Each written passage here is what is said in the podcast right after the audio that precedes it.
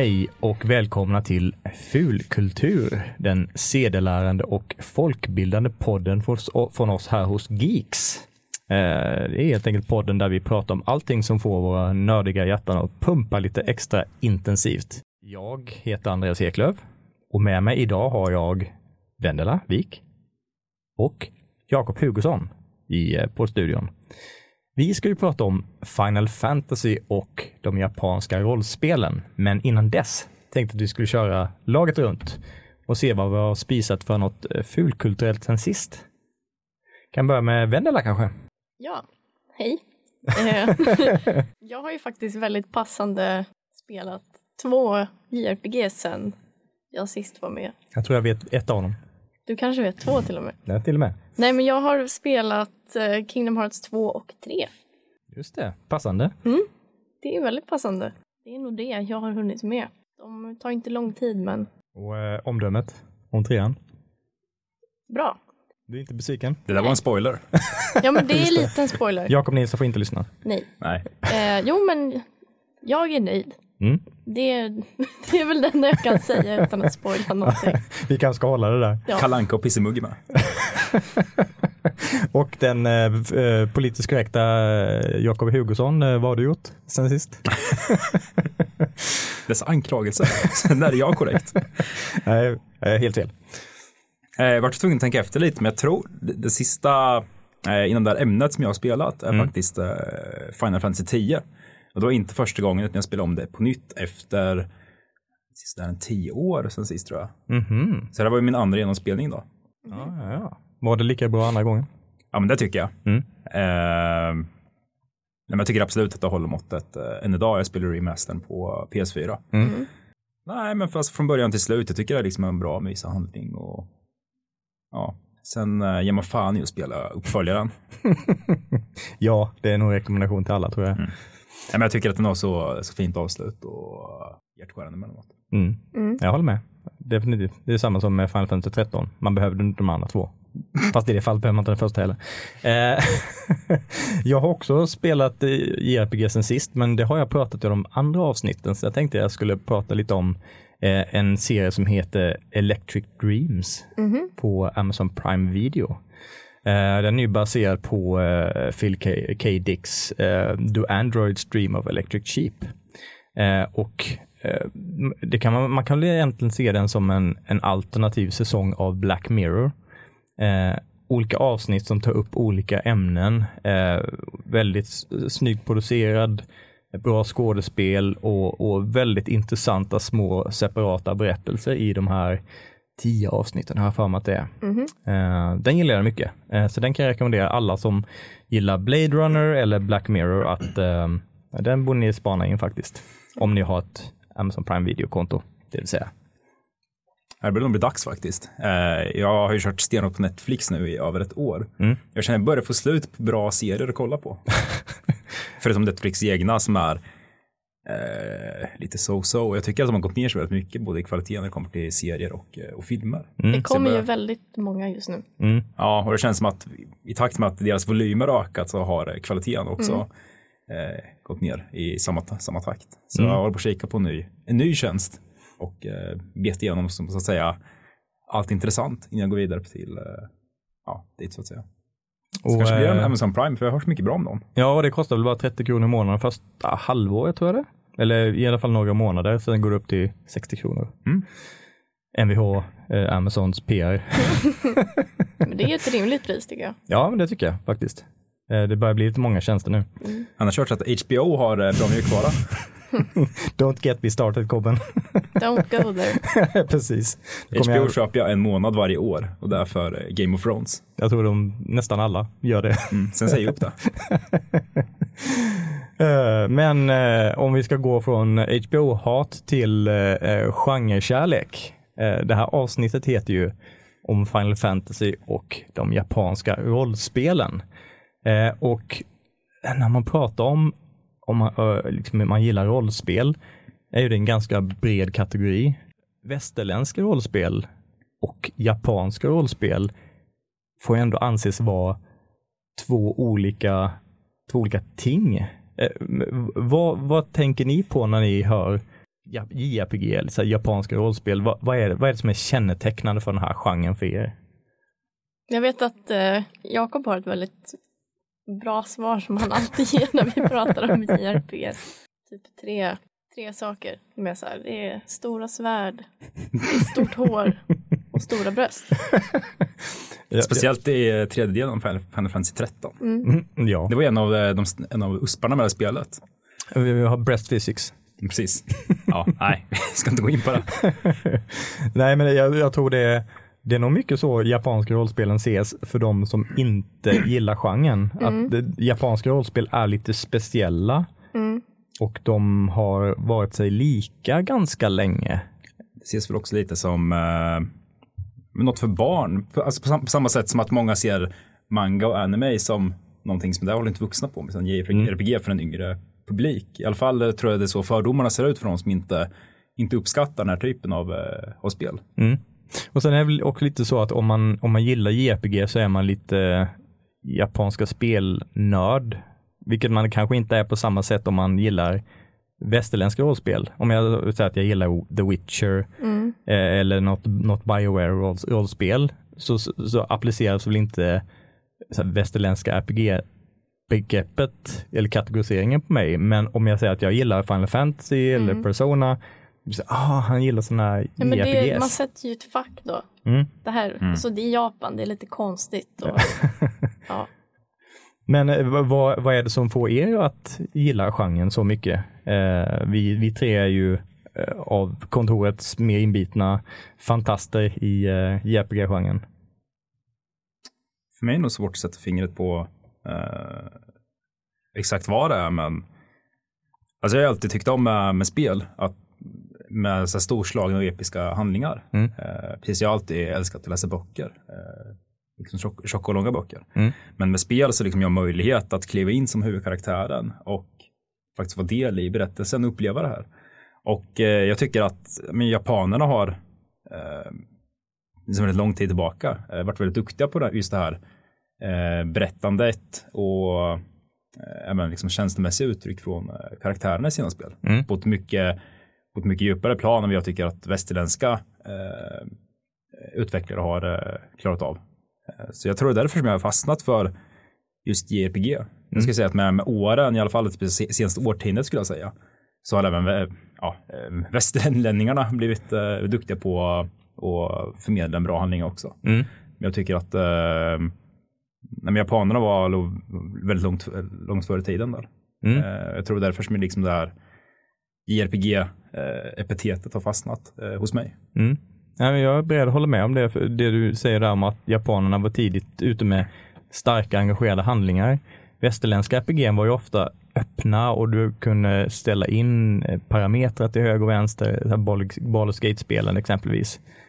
Men de hade inte lika engagerande karaktärer och handlingar. Ofta så skapade du dina egna karaktärer och de hade ingen riktig identitet. Eh, och det, det tror jag också som du säger att många som blev fans av JRPGs tidigt fastnade för just det där att du, du levde dig in i en, en, en, liksom en bra bok, en bra berättelse eh, istället för att du skapade din egen berättelse som, som, som jag tycker i alla fall var vanligt bland eh, västerländska rollspel förr. Mm.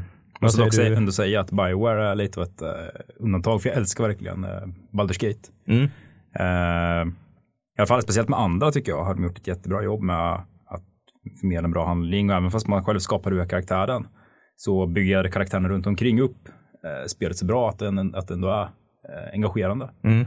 Och KOTOR och liknande är ju fler exempel på vad, där Bioware lyfte in lite av vad japanerna gjorde bra. Ja, fast det är Star Wars.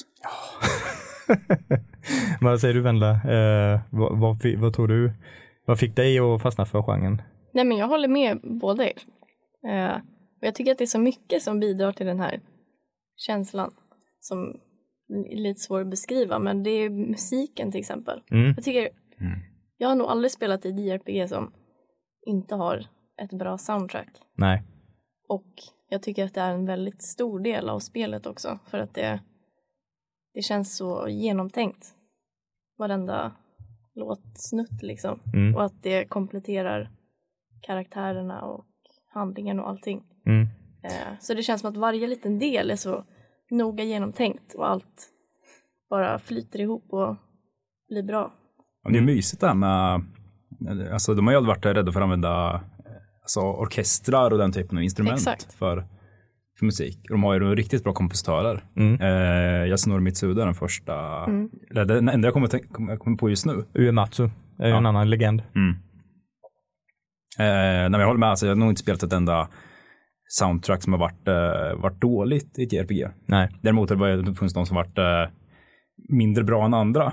Det är inte så att det är någonting som jag absolut inte skulle kunna sätta mig att, eh, och lyssna igenom. Utan, mm. Nej, och, och det är som, som ni är inne på där också, att eh, där med att det är en, en del av berättelsen. Mm. Japanska rollspel har ju varit fantastiska på att musiken blir en del av scenerna. Exakt. Alltså de, de, för, de förstärker scenen Mm. så att det får det liksom känslomässiga eh, intrycket som det är tänkt. Vilket väster, eller västerländska RPG inte har varit lika bra på. Ja, inte Eh, på samma sätt. nej. Alltså jag älskar ju spelmusik i västerländska rollspel också, Mm. men det är, det är på ett helt annat sätt. Tycker jag. Mm. Ja, men jag bara tänker på för, första gången jag spelade igenom Final Fantasy 7 Mm. eh, och eh, eh, Red 13 eh, i, när han upptäcker att hans, hans far egentligen var en hjälte och det här musik, fantastiska musikspåret spelas och en, en liten en liten tår faller från hans förstenade fars ögon. Mm. Liksom, Den musiken i den scenen eh, gav mig ståpäls på riktigt. Mm. Och det, det var inte vanligt bland, bland spel att de kunde göra det. Och det, det är många andra jap- japanska rollspel som har haft samma effekt under åren. Jag har ju ett, eh, alltid när jag tänker på eh, japanska rollspelmusik så finns det en scen som jag tänker på. Eh, och det är ju introt till eh, Final Fantasy 6. Ja, Man ser eh, eh, de här två soldaterna gå, eh, gå med sina, vad heter de här mecka-grejerna i, i, den, i det här spelet? eh, han har fått hjärnsläpp. Magitex kanske? Magitech Armor, Ja. precis. Eh, ja, och den bakgrundsmusiken också. Man bara ser när de går det där. Och den Så vackert. Mode 7-grafiken, när man ser dem Mm. gå in i, ja det, ja, det är fantastiskt. Det, och det, det, där kan man snacka om att musiken verkligen sätter, sätter stämningen och ribban för uh, spelupplevelsen. Ja, men man måste hålla med varandra där att eh, det är, alltså det är en helhet som gör det. Mm. Och musiken är en väldigt viktig del. Oh ja. Jag tror det hjälper mycket också att jag, att jag är en sucker för uh, orkester och stråkinstrument som förstärker liksom min, uh, min övertygelse om att de är duktiga på musik. Mm. Och det är ju lite inne på som det var att eh, västerländska RPGs har blivit eh, influerade av JRPGs. Det, även musikaliskt så var, så var ju inte västerländska eh, RPGn så eh, det var inte så vanligt att de hade orkestrar och de här pampiga soundtracksen. Eh, men sen efter JRPGsen slog igenom i väst, då började det bli mer vanligt Mm. ändå. Så att det, JRPGn har ju även gjort det bättre för västerländska rollspelsfans. Ja. Mm. Eh, du, jag hade ju en intressant diskussion innan det här. Mm. Vi hade ju ja, förberett oss lite för vad ska vi prata om, liksom, punkt, den här eh, punkten vi ska presentera ämnet. Man kan liksom skilja på västerländska och japanska spel på något sätt. Mm. Så var ju du och jag inne på att med JRPG har man följt eller använt samma recept under väldigt, väldigt lång tid. Mm. De har eller, adderat lite saker och putsat på det. Medan västerländska spel har varit mer eh, förändliga genom åren och genomgått olika faser. Mm. Eh, typ ett tag så försökte de ju på något sätt återskapa JRPG-storheten, men där släppte de rätt fort. Och nu i, i dagsläget så är det väldigt, väldigt mycket eh, shooters som är rollspel. Mm. Som eh, Destiny är ett bra exempel, Anthem som är på G. Från Bioware som vi pratade om tidigare som brukade vara de klassiska rollspelarnas eh, kungar. Mm. Eh, och, och det var ju, jag tror det var på 90-talet som det var eh, en del eh, västerländska utvecklare som försöker återskapa JRPG-konceptet i västerländsk form. Eh, Silver eh, var väl ett eh, som jag minns som var väldigt, väldigt JRPG-aktigt. Mm. Ja. Ja, eh, jag har för mig att det var på 90-talet. Kanske tidigt 2000-tal. Minnet är lite, lite luddigt just nu. Eh, men eh, nej, absolut. De, de, de västerländska har ju gått igenom olika faser. Nu verkar det vara shooter, shooter med RPG-inslagsfasen som lite inleddes med eh, Mass Effect kanske man kan säga. Eh, att det, påbörjades lite där och Borderlands sen eh, lyfte också in lite RPG-inslag i en, i en shooter annars. Ja, Borderlands ja. Men Mm. jag, har inte, jag har inte spelat det så mycket själv med det här med, med en shooter, man kan lu- luta saker. Mm. Och hela den här looting-grejen som har varit en väldigt stor del i, eh, i rollspel som Diablo 2 som jag har spelat i. Alltså, jag vågar säga tusentals timmar.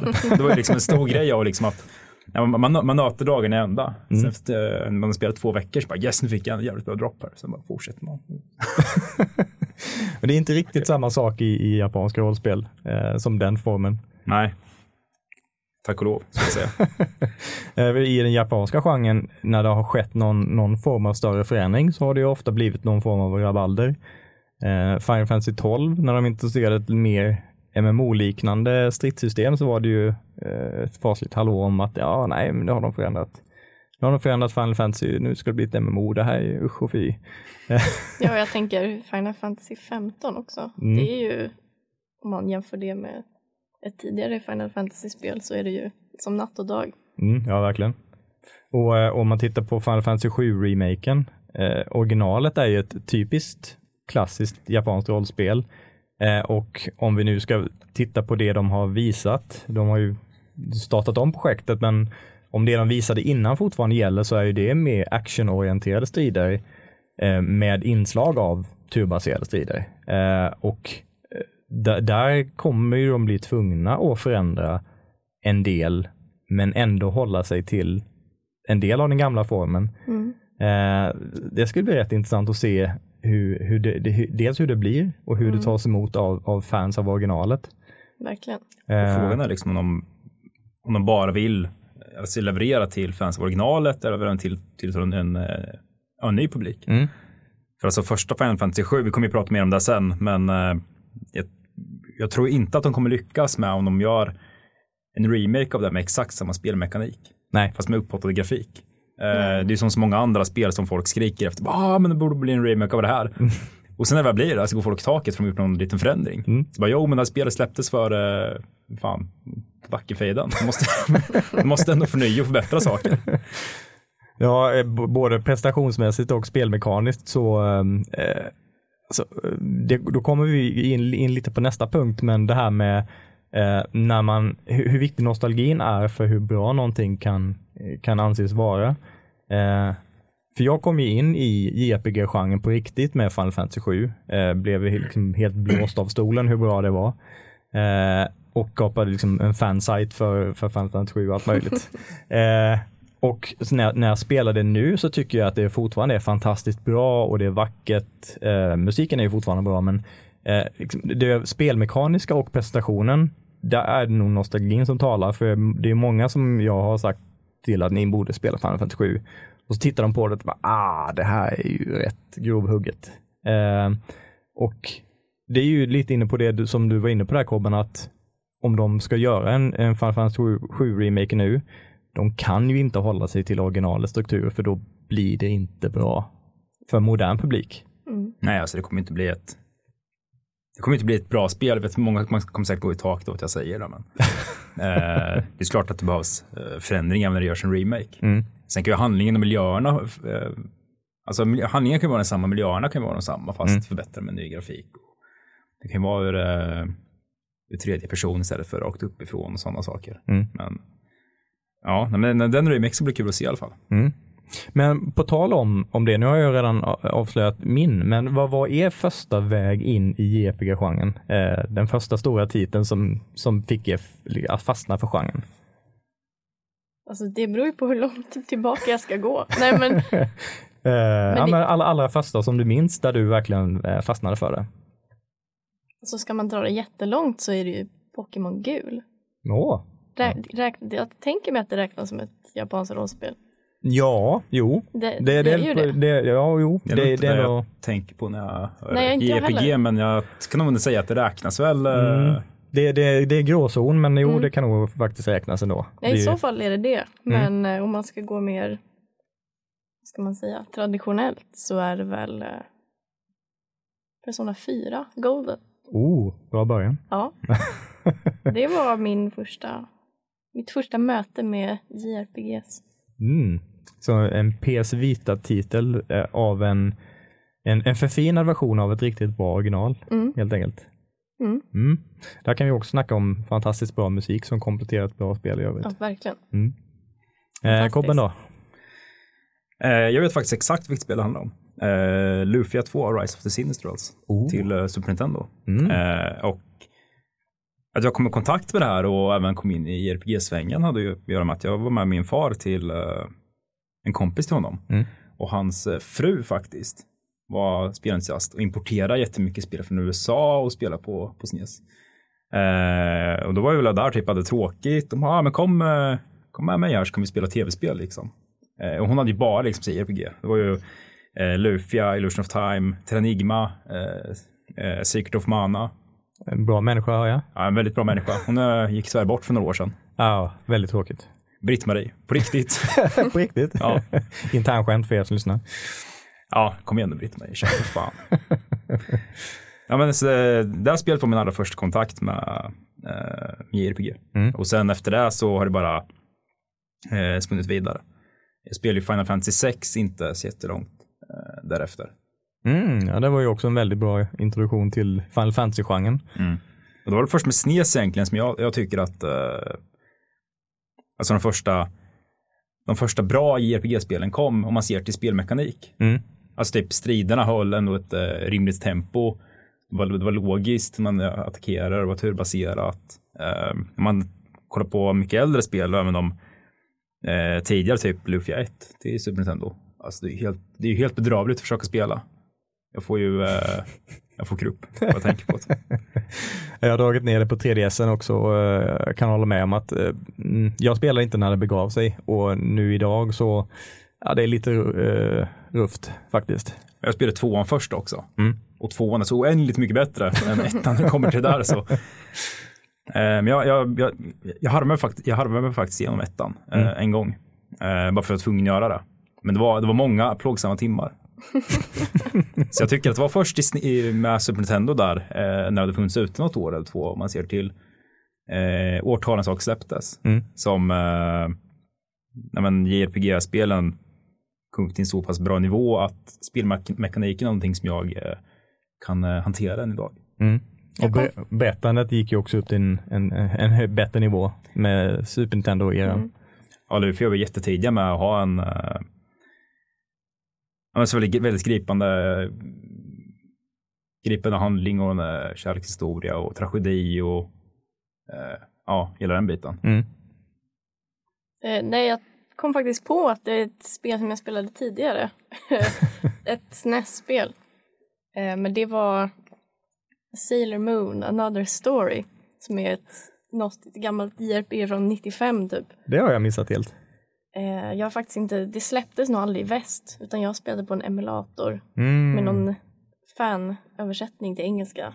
Och det var, jag var så liten så jag inte ens kunde engelska. Men jag ville så gärna spela igenom det här spelet. Så jag var du en kämpade. Sailor Moon-fantast eller vad var anledningen till att du verkligen ville spela igenom det? Ja, det Ja. var därför.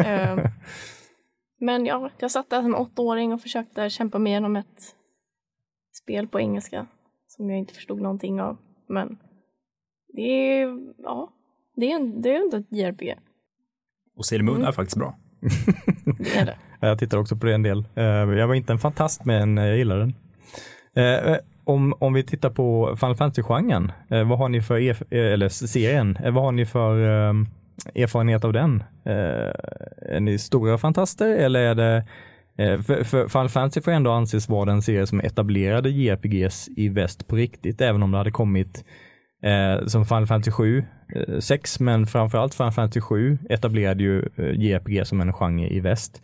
Och många identifierade nog JRPGs med just Final Fantasy under lång tid. Eh, hur, hur viktig är den för er, eh, Final Fantasy-serien?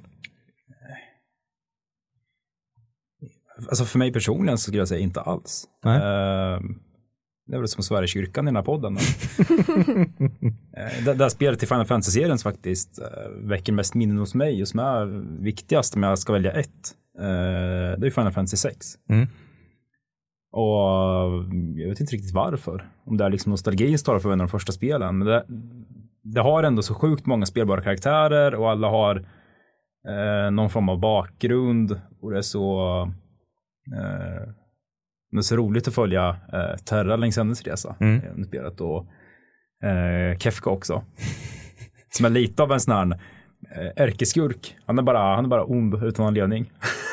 För att citera Dark Knight Rises, some men just want to see the world burn. Ja men det är ju verkligen, det är ju verkligen Kefka. Det är, ju- Verkligen. Ja. Det är Jokern i Batman. Ja. Du Så- Vella? Eh, jag har ju ingen nostalgisk koppling till något Final Fantasy-spel. Nej. Men jag har ändå dragit igenom de flesta nu. Mm. Men eh, så jag skulle väl säga jag vet inte, jag skiljer ändå på någon slags nostalgisk, det, det går ju liksom inte att återskapa hur mycket man än spelar och tycker om ett spel så blir inte det samma känsla som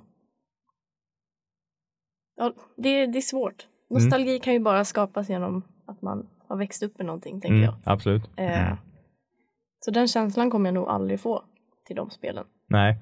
Men, Trots att jag tycker om dem jättemycket. nej, så är det absolut. Och som du var inne på där med att du spelade Final Fantasy 6 först. Jag spelade Final Fantasy 7 först och sen spelade Final Fantasy 6. Tyckte om det jättemycket men det kunde inte mäta sig med Final Fantasy 7.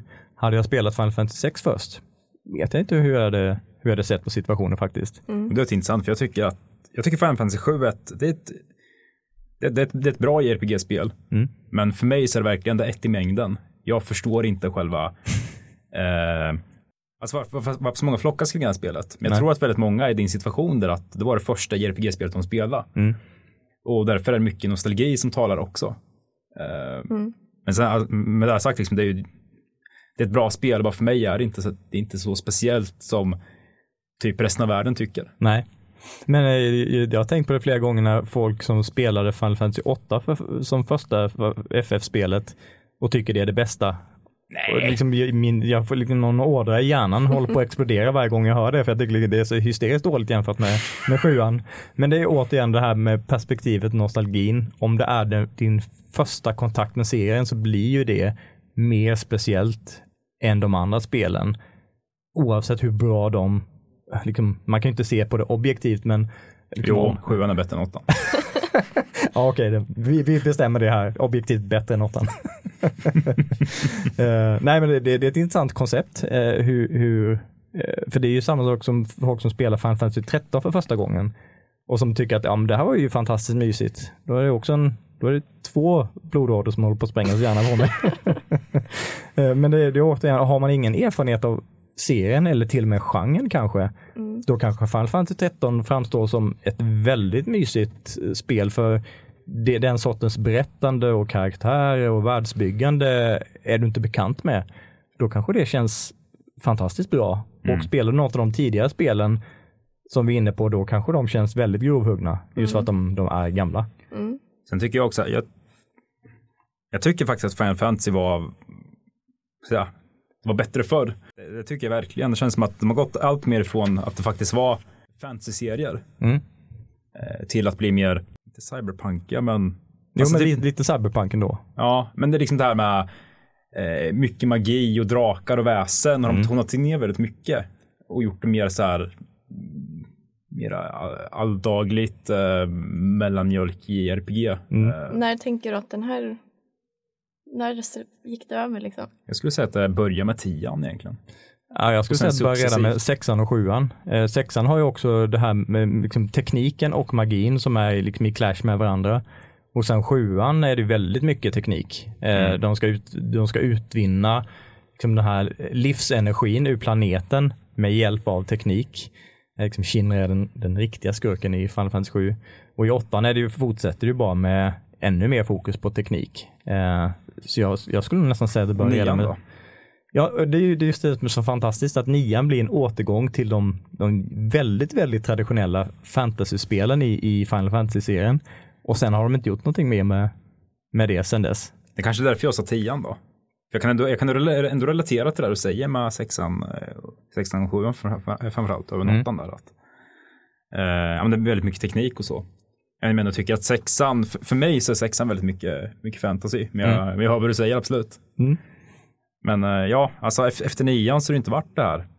Alltså fantasy. Nej, Och jag, eh, numera läser jag läser mest eh, science fiction-böcker. Men jag är uppväxt med att läsa, läsa fantasy. Mm.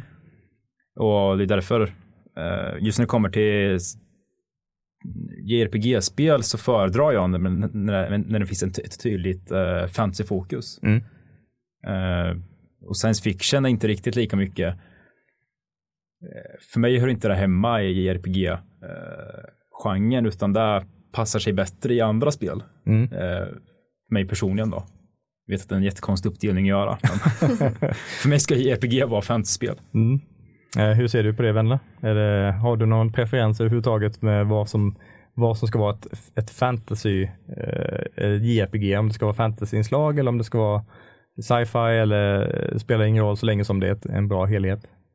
Jag är nog faktiskt mer inriktad på helheten. Mm. För att för mig är själva det känns så generaliserande att säga miljöer om det, men på något sätt är det miljöerna som det handlar om. Mm. Att det, det är bara en liten del av spelet liksom, Mm. för mig. Uh, jag, ja, jag vet inte. För mig så är det mer helheten spelar större roll. Eh, men det är väl också för att jag uppskattar både och. Mm. Eh, så jag har ingen preferens och då kanske det inte spelar lika mycket roll för mig. Nej. Jag menar om jag tänker eh, JRPG som inte är Final Fantasy så är det ju inte många, eller av det jag har spelat så är det inte jättemånga som är fantasy Nej. utan det är allt möjligt.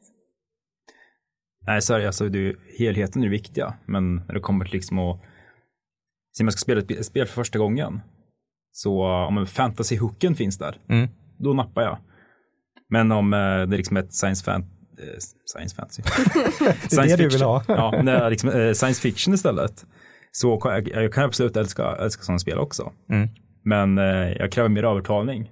Typ att få se någon jävligt vass tra- trailer eller att eh, någon pratar väldigt varmt om det. Mm. Eh, som Xenogears och Xenosaga till exempel. Det är ju eh, eh, ja, alltså några av mina favoritspel genom tiderna. Och det har just med handlingen och berättandet att göra. Eh, inte nödvändigtvis för att eh, det är världens bästa spel om man ser till eh, mekanik och liknande. Nej. För det är, de är inte dåliga, men de är fan inte bra jämfört med andra. Nej, men det, de kan ju ha någon enskild hook som väger upp för, för andra brister. Eh, för, för min del får jag nog säga att jag uppskattar också verkligen båda, men det har varit väldigt lite av fantasy-spåret de senaste tio åren skulle jag säga. Eh, så det är nu, nu när jag spelar Nino Kuni 2, eh, det har väldigt mycket av den där klassiska eh, fantasy-äventyrskänslan. Liksom du ska bygga upp ditt, ditt kungadöme och ge dig ut på äventyr och försöka koppla på, eh, få andra kungadömen att gå med i din, din allians. Och eh, en världskarta där du är en liten chibi-karaktär som är jättestor i förhållande till allt annat. Och, eh, den, den gamla klassiska fantasyformeln som Final Fantasy 9 och liknande använde. Ehm, och det spelet fick mig att inse att jag har saknat det. Eh, jag gillar science fiction baserade JRPGs, men det har varit väldigt mycket av dem de senaste tio åren. Nej, vad skulle jag säga? Jo, men jag, jag tror det ligger lite i, alltså i tiden vi lever i nu. Mm. Alltså man, blickar man bakåt så var det också mycket mer, mycket mer fantasy, fantasy fantasy-äventyr i film och serier. Mm. Medan i dagsläget känns det som att det är mycket större tungvikt i man säga, populärkultur Mm. kring eh, science fiction. Och det är klart även återspeglas i eh, ja, alla spel som skapas. Mm. Ja, där har jag faktiskt sett en graf på. Att det var fantasy, gick ner och då gick science fiction upp. Mm. Ingen källhänvisning på det tyvärr, men jag kanske kan leta upp det Ja, sen. vi kan försöka lägga med det i länklistan om vi Ja. hittar. Men eh, och som alla imperier så faller de ju till slut. Så då kan kanske det bli så att science fiction får en, en återgång, eh, backar Mm. och kanske fantasy eller någon annan form av vinkel på det eh, Mm. ta efter. Det, det, det är ingenting som håller sig fräscht hur länge som helst. Eh, så Nej, just den här science fiction-vinkeln kan ju inte vara eh, dominera hur länge som helst. Jag skulle dock inte gråta om eh, det inte varit en återgång till fantasy. Utan Jaså? att det varit ännu mer fokus på cyberpunk. Alltså. Ja, det är Nej. väldigt fint där. Ja, jag, jag, jag måste säga, jag, jag skulle verkligen vilja se ett nytt Final Fantasy 9 eh, i, i, i just den genren. Eller i den serien. Eh, överlag så eh, får det gärna bli fler sådana. Även om jag inte har någon förhoppning om att Final Fantasy 16 blir ett nytt Final Fantasy 9 så kan man ju alltid hoppas. Jag tror till och med eh, regissören av eh, Final Fantasy 14, eh, online MMO, Mm. har också sagt att han, han gärna skulle vilja se ett, eh, ett nytt Final Fantasy 9 i, i den serien. Och eh, Final Fantasy 14 har ju gått bra, så man kan ju hoppas att han har lite influens i, hos Square Enix. Mm. Ja, det känns som att då skulle jag nog eh, hoppa på det på en gång faktiskt. Mm. Uh, man är väl sväl, svältfödd. Mm. Eh, nu, nu har vi kommit in lite på det här. Eh, jag tänkte, eh, Final Fantasy eh, är ju ett hushållsnamn eh, och eh, ses som Dragon Quest kanske också till mindre utsträckning. Men det finns ju många fantastiskt bra JRPGs som allt för få har spelat. Du, du, är inne på, du var inne på Xenogears eh, tidigare. Eh, har ni några andra sådana spel eller spelserier som ni har spelat som, som ni tycker att det är, det är anskrämligt hur, hur få som har eh, vett att uppskatta dem? Alltså jag vill slå ett slag för uh, alltså Lufia 2. Mm. Jag tycker fortfarande att det är ett väldigt bra, sp eh, bra spel som kom till uh, Super Nintendo. Mm. Och sen har vi såklart uh, Tales of och uh, Shin Megami Tensei som uh, Personal-spelen är sprungna ifrån. Mm. Uh, framförallt uh, Shin Megami Tensei 3 Noc Nocturne. Uh, jag tror den hette Lucifer's Call på när den släpptes i, i USA. Ja, jag tror det stämmer. Ja. Ja. Nej, men det, det, alltså, speciellt Shin Megami Tensei gör dem så, eller Atlus är det som gör dem. Mm. De, har så, de har så väldigt speciell och eh, snygg stil på sina spel. Verkligen. Eh, och sen är de också jätteduktiga på musik. Eh, men de är dock, dock inte så handlingstunga tycker jag inte, de spelen. Med undantag för Digital Devil Saga 1 och 2. Mm. Som eh, ingår i, ska man säga, i det här eh, paraplynamnet. För varje spel är ju fristående från varandra. Mm. Eh, skulle du säga, jag har ju spelat mycket Persona, men jag har inte spelat mycket Shin Megami Tensei. Eh, tycker du att de är mindre storytunga än Persona-spelen? Jag har faktiskt knappt spelat Persona, men uh, alltså Digital Devil Saga är ju, de är ju storytunga. Mm. Men de andra är mycket mer, alltså det finns, det finns en handling som man följer så att säga. Men det är inte så att det är den som griper tag i en framförallt. Nej. Uh, det är ju, ja, men som vänder inne på det, för det är ju helheten som gör att jag vill spela de spelen mer. Mm. Och jag ser jättemycket fram emot uh, Shin Megami Tensei 5 som ska komma till, uh, till Switch. Ja, det jag hoppas verkligen att det blir bra. Och du då, Ella? Eh, jag måste nog ändå säga Persona 4. Mm. Golden. Nej men eh, det, det är ju då första JRPG jag spelade men jag tycker fortfarande att det är det bästa jag har spelat hittills. Det är ju inte jättemycket fantasy. Nej, det är det verkligen inte. men eh, jag tycker ändå att det är fantastiskt. Det är ju mer, utspelar ju sig i vår värld. Mm. Eh, I Japan, Man spelar ju som skolungdomar exakt. eh, som ska ta sig in i någon alternativ dimension för att eh, lösa problem. Ja, om man kan säga så. det är inga spoilers, man löser problem. ja. Shin Megami Tensei med Teen Angst. Exakt. Men det är så mysig musik Mm. och det är, så, det är en sån bra blandning mellan att man ska grinda dungeons men också att vara i, eh, i skolan, hänga med sina kompisar liksom och maxa social links. Mm. Jag tycker att det är mysigt och det är sån men det är sånt spel jag kan tänka på ibland och bli glad för att det är så härligt bara Mm. och bra och det är bra handling. Det är inte bara mysa runt i Japan utan det är, ja, Nej. det är djupare än så. Och en, en fantastiskt lyckad kombination av eh, estetik, eh, Mm. alltså grafiken i kombination med musiken. Mm. Eh, eh, som i striderna när man eh, aktiverar de här specialattackerna där hela gruppen Mm. slåss tillsammans. Så blir det så här, manga-grafik och Mm. sen så kopplas stridsmusiken på. Eh, Helheten, det är, det, det är svårt att för, förklara för någon som inte upplevt det, men det är Mm. ju helt sanslöst fint. Mm. Verkligen. Och det, det, det släpptes ju också på PS Vita, en plattform som i sig inte blev superframgångsrik. Nej, Det begränsade ju också hur framgångsrikt just det spelet kunde bli. men jag tänker att det också är så här. Jag tänker i Japan är det ju betydligt många fler som har en PS Vita Mm. om man jämför med här, men spelet fick inte alls samma spridning Nej, i Sverige eller i Europa överhuvudtaget. nej. Eh, Så det bidrar nog till att det, det är mer anonymt. Mm. Det känns nästan när vi pratar om det här som att vi kan ge ett, eh, ett generellt tips till folk om att spana in uh, spelutvecklaren Atlus. Ja, För jag tycker de är väldigt underskattade. Ja. Och de är väldigt många bra spel. Absolut. De- Eller har gjort också, Ja. sägas. ja, de har många spelserier under sitt uh, baner som är fantastiskt bra. Mm. Just eh, SMT eller Shin Megami Tensei och eh, Persona, de är ju eh, väldigt vackra. Mm, verkligen. Eh, jag skulle vilja lyfta fram en, en gammal GameCube-serie som eh, heter Button Kaitos. Eh, jag vet att Kobben har någon erfarenhet av det. Ja, jag köpte spelet, eh, stoppade in i min GameCube som eh, var välanvänd ska man säga. Mm. Och eh, jag kom inte så långt för att överhetta varje gång. av, just, av just specifikt det här spelet. Hmm. Så här är, ja, nu i efterhand så hade jag kanske kunnat öppna min GameCube och dammat ur det hade fungerat bra. Jag vet inte. Ja, det, det finns i min backlog att eh, jag ska ta tag i det någon dag. För att eh, eh, jag såg det första gången när jag fick hem en eh, jag prenumererade på Superplay Mm. innan Jocke Bennett la ner den. Tidningen. Bennett. Och eh, fick jag med en, ja, en DVD-skiva som man fick, fick då. Mm. Massa speltrailers. Eh, och det var bland annat eh, Button Kaitos med. Jag kände bara fan det där måste jag spela. Mm.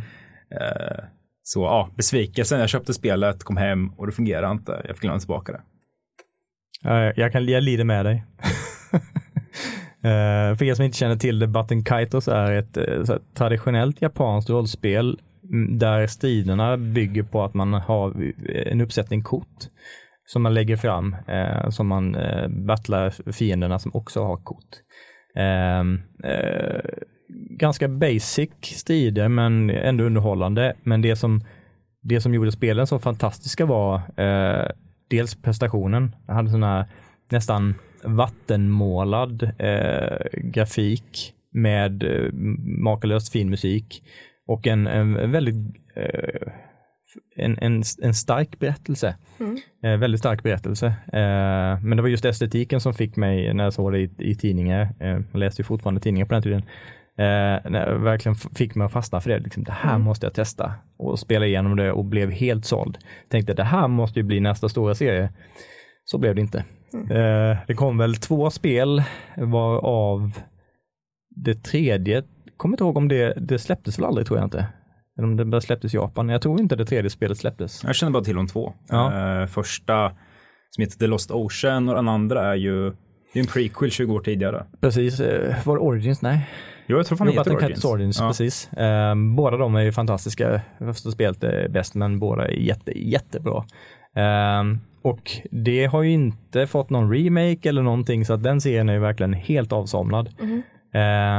Eh, och Känns inte som att det blir så mycket mer med den faktiskt. jag tror inte heller, jag tror inte den gick tillräckligt bra för att eh, Tri-Ace eller eh, Nintendo ska få idén att ja, men nu gör vi en remake av det här spelet som ingen brydde sig om för ett ant- x antal år sedan.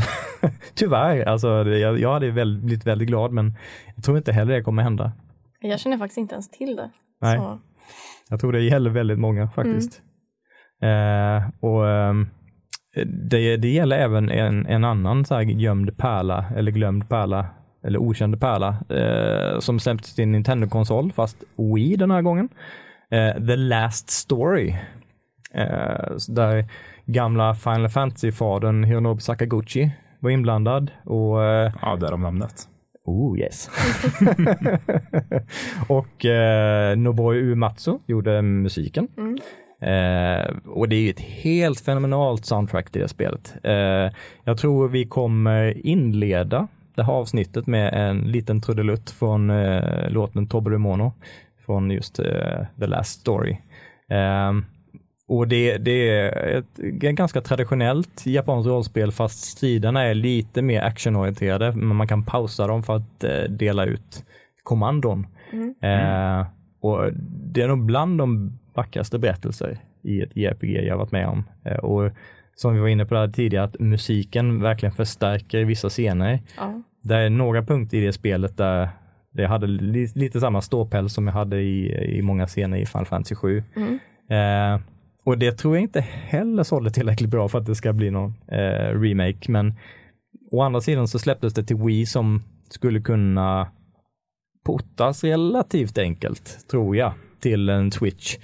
Eh, om någon nu skulle få för sig att göra det, men jag är rädd att det inte blir så. Tyvärr. Jag tycker att vi har snackat lite för mycket skit om Final Fantasy 8. det är ändå ett spel som jag, jag tycker om. Du gör det? Jag tycker om det. Mhm. Eh, vad är det du eh, tycker är särskilt eh, fantastiskt med spelet? Ja, Vi- fantastiskt. Nej, men jag... Eh, Nej, men jag, jag tittar ju på perspektivet att komma från Final Fantasy 7 mm, och bli så besviken för att det inte var Final Fantasy 7. Så eh, min, min vy på det är ju ganska skev mm. ur det perspektivet. Så eh, de sakerna jag skulle gnälla på skulle du förmodligen inte gnälla på kan jag tänka mig. Nej, men jag, jag kommer egentligen också från sjuan till åttan. Mm. Så jag kanske borde ha samma, samma upplevelse som dig. Men eh, jag, ser, jag lyckas ändå se det på något sätt som ett eget.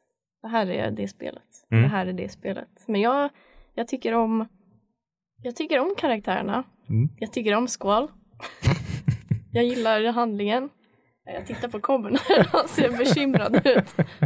Jag Emo, älskar musiken. Mm, den är väldigt bra, det får jag hålla med. den. Mm. Eh, Vad tycker du om handlingen med Ada och Idea och Ultimecia och hit och dit? Alltså jag har, jag har inget emot det. Jag, jag, Nej. det är kanske inte den bästa storyn, men nej, jag, jag gillar det. Mm. Jag tycker om det spelet. Mm. Unpopular opinion, men Jag tror du har en eh, generationsgrej. Eh, det kan vara så. Mm. Det kan vara så. Förlåt. Ja, vi, Men jag vet faktiskt inte. Jag känner personer som är i er ålder som faktiskt Gamla och grå. uppskattar spelet också. Mm. Ja, men jag kan tänka mig att Men i det många kanske fall... är så att det är fler som är lite yngre som jag som uppskattar det. Jag vet inte. Mm, nej, men jag tror att det kan vara många från vår generation som också spelar Final Fantasy 8 först Mm. och då förmodligen har en helt annan syn på den vad, eh, vad vi har. Jag som Final Fantasy 7 fantast och Kobben som inte en sån fantast av genren, äh, serien i sig. Han har väl inget att säga till om. Nej, precis eh, om, vi, om, vi, om vi går vidare på eh, det här med eh, om, man, om man är ny för genren. Eh, vi har ju pratat om vilka våra spel, första spel i genren var, vad vi fastnade för. Men om man nu under nådens år 2019 tänker att ja, men det här med JRPG, det vill jag testa på. Vad skulle ni säga är ett bra spel att testa, att börja med, eh, som för den som inte liksom är bekant med, med allt vad JRPGs innebär. Många spel kan ju vara ganska svårt, eh, svårtillkomliga Mm. eh, för någon som är ny för genren. Eh, min spontana tanke som bara dök upp i huvudet när du sa det där, introducerat till någon, eh, till någon som inte är bekant med genren sedan tidigare. Mm. Det är att eh, köp Tales of Symphonia på Steam. Det kan jag hålla med. Jag tror att det här skulle kunna passa, ska man säga, eh, nybörjare eller de som vill testa ett JRPG Mm. eh, och få det att fastna. Och det går ju att köpa i en samling till Playstation 3 också vill jag minnas.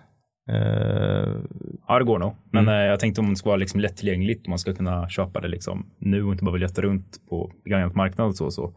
Eh, det finns på Steam typ så här 20 euro. Mm. Det brukar vara nedsatt ganska ofta också. Så eh, det blir lite ja, lättillgängligt. Mm. Ja, och det, det funkar faktiskt.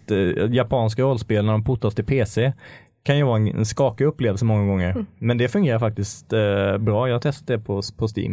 Eh, det är inga, inga större konstigheter. Mm. Och det är också på min lista över de största JRPG-upplevelserna någonsin. Ja, för det här är ändå, det har en väldigt bra handling Mm. eh, som jag tror också, den är tillräckligt, eh, man säga, eh, den är inte så japansk att den är svår att, hänga, och att den är svår att ta till sig av om man inte är van med den här typen av spel sedan Nej, tidigare. nej. Eh, den har ändå en del västerländska influenser och tar upp mycket av eh, men den faktiskt ämnen som diskuteras eh, i väst nu. Mm. Ehm, och själva stridssystemet är ju inte turordningsbaserat på det sättet man är van vid, utan det är ju ett man kastar sig in i en strid så är det liksom action i det, sen kan man ju tilldela prioriteter för alla karaktärer. Mm, Typ att mm. om du ska prioritera att heala, medan den här ska prioritera att kasta eh, som är skada. Sen kan man ta kontroll över dem var och en. Man kan pausa och ge kommandon. Mm. Eller ska man bara liksom eh, gå loss och eh, slåss med Lloyd som en galning? Eh, ja, och, och det som du säger, där med handlingen, den, den är inte svår, den är ganska lättillgänglig, men om man verkligen engagerar sig i den så finns det ett, lite, ett större allvar att finna i den, läsa mellan raderna. Ja, den är jättemörk. Mm. Och liksom eh, xenofobi är ett jätte, alltså genomsyrar hela handlingen. Mm. Eh, det är en viss eh, folkgrupp i det här spelet som blir eh, minst sagt väldigt illa behandlade. Det kan man säga. Eh, alltså den är ju, även fast eh, själva, eh, alltså, eh, vad heter det, eh, designen på spelet ser väldigt barnslig ut. Det Mm. ser ut som någon så här, nå, jag menar, nå anime eller manga liksom, Mm. så är ju den är ju jätte, jättebrutal emellanåt. Mm. Och, men just det gör ju att om man inte vill eller orkar engagera sig i en djup och allvarlig handling så kan man spela igenom spelet och få ut väldigt mycket av det Mm. utan att, att läsa in i det. Men om man vill så finns ju det där allvaret som, som, vi, som du nämnde där. Ja, för det, ju, det kan jag känna ett, eh, inte problem, men det kan bli lite jobbigt ibland med vissa JRPG. Mm.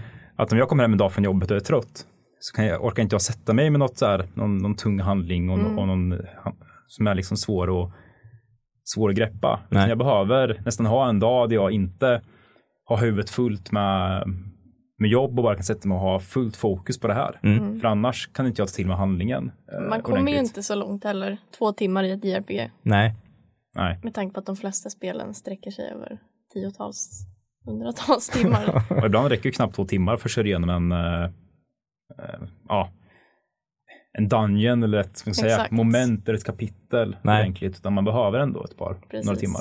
man hinner med lite sidospår kanske, men inte mycket mer. Ja, men för mig, är, för mig är att spela, spela ett JRPG är som att sätta sig och, och läsa en bok. Mm. Jag kan inte bara göra det rakt upp och ner, utan jag måste vara, ha, ha rätt sinnesstämning. Mm. Och just därför tror jag att Tales of Symphony är väldigt lätt att ta till sig, för det krävs inte på, på samma sätt. Man kan njuta av spelet rakt igenom, men man kan även, som du säger, eh, sätta sig och läsa in och ta in så mycket mer, Mm. bara man vill. Och det finns mycket, ja, som i alla spel egentligen, eh, mycket runt omkring med sidouppdrag och böcker man kan läsa för att få veta ännu mer. Mm. Jag håller med. Du då Mella? En av mina rekommendationer skulle nog vara Persona 5. Oh, bra. Ehm, Det kom ju för ja, strax, snart två år sedan Mm. skulle jag säga. Ehm, Det, det är ju också lättillgängligt skulle jag säga om man jämför med att åka till Japan för att köpa en PS Vita. Så kan man istället köpa, köpa det till Playstation 4. Ja, det kanske är rimligare. Ja, Mm. Men vad, vad, vad tänker du om det här med, eh, alltså Persona-spelen har ju en, en ganska säregen karaktär får man Mm. säga. Tror du att det är en typ av spel eller serie som tilltalar eh, en, en bred skara av potentiella JRPG-fantaster? Eller måste man kanske ha uppskatta just den, den speciella stilen? det jag tänker är väl att det är om man jämför handlingen med andra spel, Mm. andra JRPGn, så Mm. känns den ändå, jag har inget emot den, jag älskar den, men den är kanske inte lika komplicerad som, som andra spel. Mm. Och att den, man kan relatera till den på ett annat sätt för att det kanske inte är lika mycket fantasy, utan det utspelar sig i vår värld Mm. Eh, på faktiskt riktiga platser i Tokyo. Eh, ja, nej men det var ju också det jag kände när jag spelade spelet, att det var ett ganska stort hopp från Persona 4 som jag uppskattade, men att det känns som att det, det, det spelet riktade sig mer till en, en, till en bredare publik. Mm. Och jag tycker att det märktes också med tanke på hur, hur bra det sålde. Mm. Att det många som jag känner som egentligen inte spelar JRPG har spelat Persona 5 uppskattat det. Det värmer mitt JRPG-nördhjärta väldigt mycket. Mm. Jag kan hålla med om det. Det, det, kän, det känns nog mer lättillgängligt än Persona 4 Golden Mm. gör faktiskt. Sen är det ju dock väldigt långt. Så det, Det är kanske är det som skrämmer bort några. Ja, och det, det känns som att Persona 5 är nog svårt att spela igenom snabbt om man nu Mm. inte är en sån som vill lägga liksom 60-70 timmar plus. Ja, Det skulle jag nästan säga är nödvändigt i det spelet. ja, Spela mer än så. det, ja, det skulle jag också säga. Mm. Men jag, jag tänker, är man intresserad av, av eh, japanska rollspel så skulle i alla fall jag säga att det är något man kan börja med. Mm. För att det är en, ja, det är, det är lite mer lätt att ta till sig på något sätt. Mm. Mm. Jag skulle vilja rekommendera YS 8, Lacrimosa of Dana. eh, eller Dana som hon egentligen heter. Eh, det är ett ursprungligt eh, JRPG i YS-serien som släpptes till PS Vita och eh, Playstation 4, men som sen har fått en puttning till Switch också. Eh, jag spelade igenom det på PS Vita från början och nu spelar jag nyligen igenom det igen på, på Switch. Eh, och det är, det, handlingen i de här spelen är, är separata, även om huvudkaraktären eh, är densamma så är, är, har handlingarna oftast inte någonting med varandra att göra. Så man, man behöver inte ha spelat tidigare delar i serien. Eh, och det, det, är en väldigt charmig handling som inte är överdrivet djup, det är inte så komplicerat.